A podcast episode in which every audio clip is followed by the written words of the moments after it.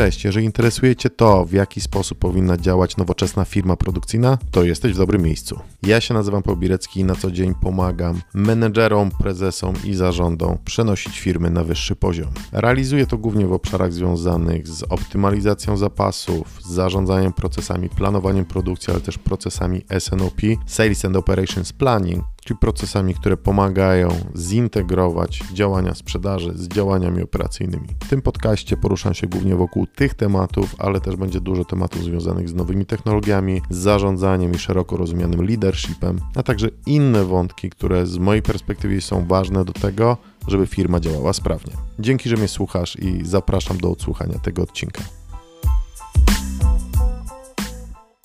Cześć, dzisiaj o tym, w jaki sposób podnosić efektywność procesu w firmie. Jeżeli myślę o tym, w jaki sposób firmy podnoszą e, efektywność swoich procesów, jak tym zarządzają, to od razu przychodzą mi do głowy trzy takie szkoły, czyli Six Sigma, Lean i TOC, czyli Theory of Constraints, teoria ograniczeń. E, dlatego, że większość firm, z którymi się e, spotkałem, albo faktycznie stosowała Six Sigma, albo Lean, albo ostatnio zaczyna się moda na teorię ograniczeń.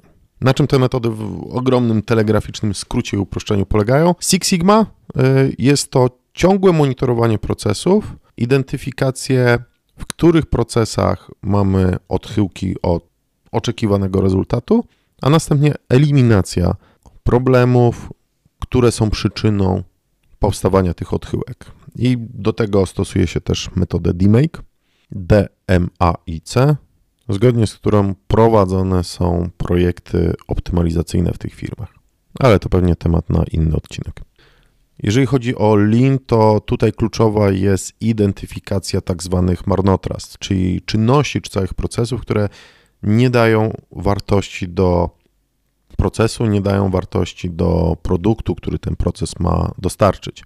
I tutaj dzieli się właśnie te wszystkie czynności i procesy na e, czynności dodające wartość, które należy utrzymywać, aczkolwiek optymalizować, żeby zajmowały jak najmniej czasu. Drugie, czynności nie dodające wartości, które po prostu trzeba eliminować, jeżeli to możliwe, a jeżeli nie, to maksymalnie ograniczać.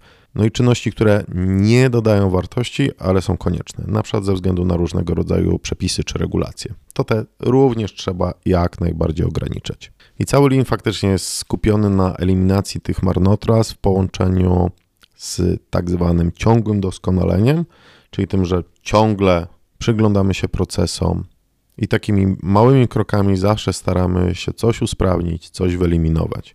No taka właśnie szkoła filozofia małych kroków nazywa się filozofią Kaizen. Natomiast teoria ograniczeń y, skupia się na tym, żeby w całym naszym procesie zidentyfikować wąskie gardło. No bo wąskie gardło ono odpowiada za to, ile faktycznie proces jest w stanie z siebie wypluć, czyli jak proces jest efektywny. No bo załóżmy, jeżeli mamy nie, proces produkcyjny, mamy trzy maszyny, jedna maszyna jest w stanie zrobić 200 sztuk na zmianę, druga 100 sztuk, a trzecia 300 sztuk. I nasz produkt musi przejść przez wszystkie te trzy maszyny. No to logiczne jest, że maksymalną ilość, którą jesteśmy w stanie wyprodukować, to 100 sztuk. I zgodnie z teorią ograniczeń, jeżeli chcemy zwiększyć efektywność tego procesu, powinniśmy się skupić właśnie na tej drugiej maszynie, która produkuje 100 sztuk i zastanowić się, w jaki sposób możemy sprawić, e, zoptymalizować te procesy, usprawnić, żeby mogła ona produkować więcej.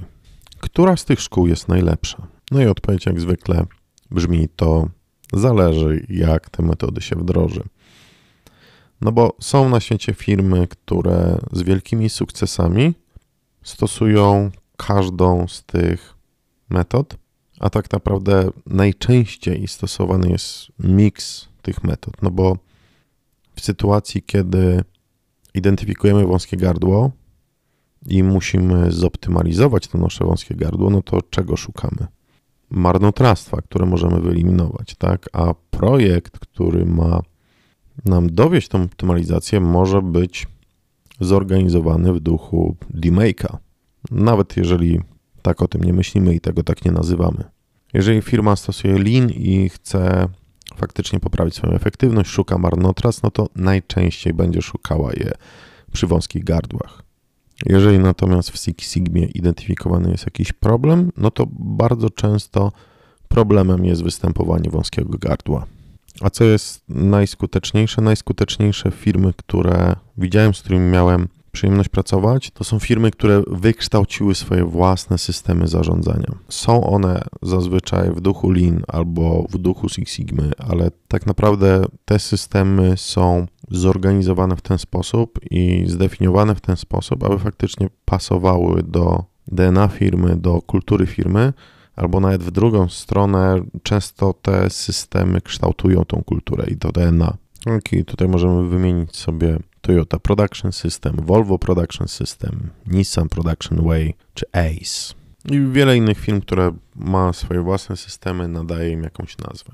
Najgorsze rozwiązanie to takie, w którym próbujemy wziąć jakąś filozofię i wprost skopiować czyjeś rozwiązanie. Tak jak bodajże to było w latach 70., czy może 80., słynny cytat. Mogę się pomylić teraz, ale y, wydaje mi się, że z Deminga, kiedy mówił, że amerykańskie firmy próbują kopiować od Japończyków, domyślę system produkcyjny Toyoty, ale tak naprawdę nie wiedzą co kopiować, bo oni kopiowali faktycznie metody. Kanbany, Just in Time, Heijunki, a koniec końców przewagą konkurencyjną Toyoty i japońskich producentów samochodów y, była sama kultura firmy i to, że te wszystkie metody, które były stosowane i to jak to wszystko było u nich w firmie zorganizowane, było dopasowane faktycznie do kultury, zarówno biorąc pod uwagę kulturę kraju i stosunek ludzi do pracy, stosunek ludzi do firmy, stosunek ludzi do przełożonych, jak i kulturę, która została wykształcona w samej organizacji.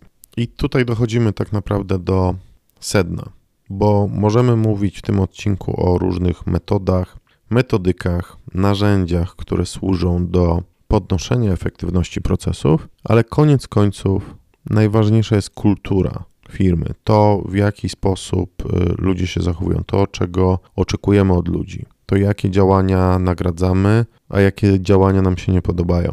To, jaki przykład dajemy jako menedżerowie, prezesi, członkowie zarządu naszym ludziom. No bo niestety trzeba przyznać to, że są często tworzone zasady, których oczekujemy od e, ludzi, którzy pracują dla organizacji, ale kadra zarządzająca rzadko kiedy się do nich stosuje. I to jest destrukcyjne do jakiejkolwiek kultury, czy dla jakiejkolwiek strategii, jaką przyjmiemy.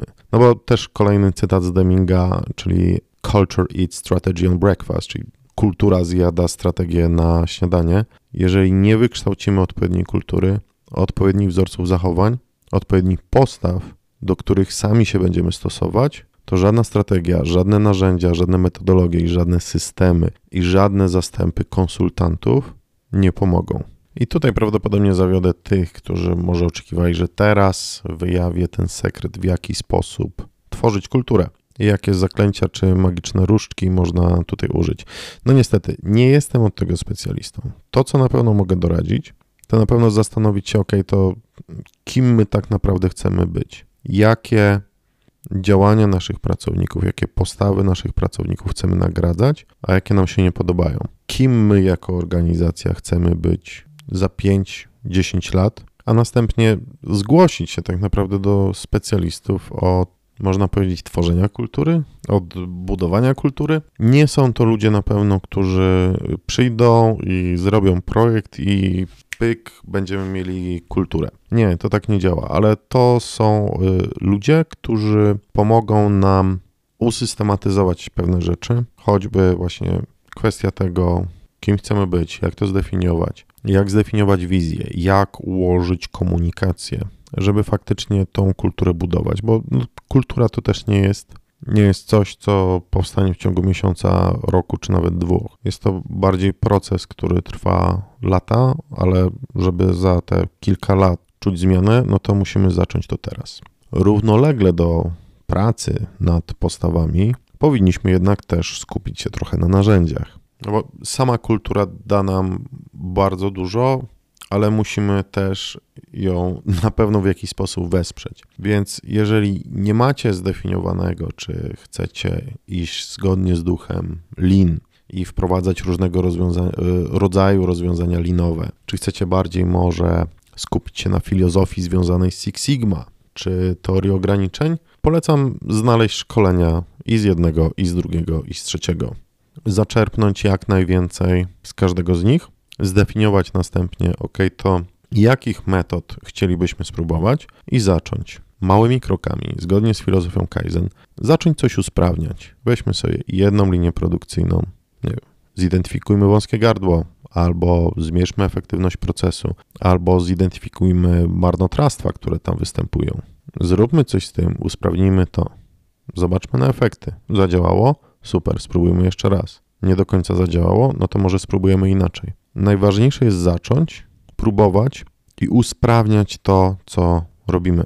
Także dwie kluczowe rzeczy, które trzeba wziąć pod uwagę, jeżeli chcemy zwiększać efektywność naszych procesów, to przede wszystkim praca nad kulturą i to w ustrukturyzowany sposób, tak, żebyśmy wiedzieli, do czego dążymy. No i niekoniecznie to wyjdzie tak, jak sobie wymarzyliśmy, ale ten kierunek musi gdzieś być zdefiniowany i być nadany, żeby nie było w tym jakiejś mega dużej przypadkowości. No a druga rzecz to zacząć próbować optymalizować procesy, szukać wąskich gardeł, szukać nieprawidłowości, szukać marnotrawstw i pracować nad tym, żeby z tych naszych prób powstawały jakieś standardy, które pasują do nas, do naszej firmy, do naszej organizacji, do naszych ludzi. Standardy, które faktycznie u nas działają i niekoniecznie to musi być czysta Six Sigma, niekoniecznie to musi być Lean, D-Make czy jakiekolwiek inne metodologie. Ważne, żeby to działało. A o tym, w jaki sposób można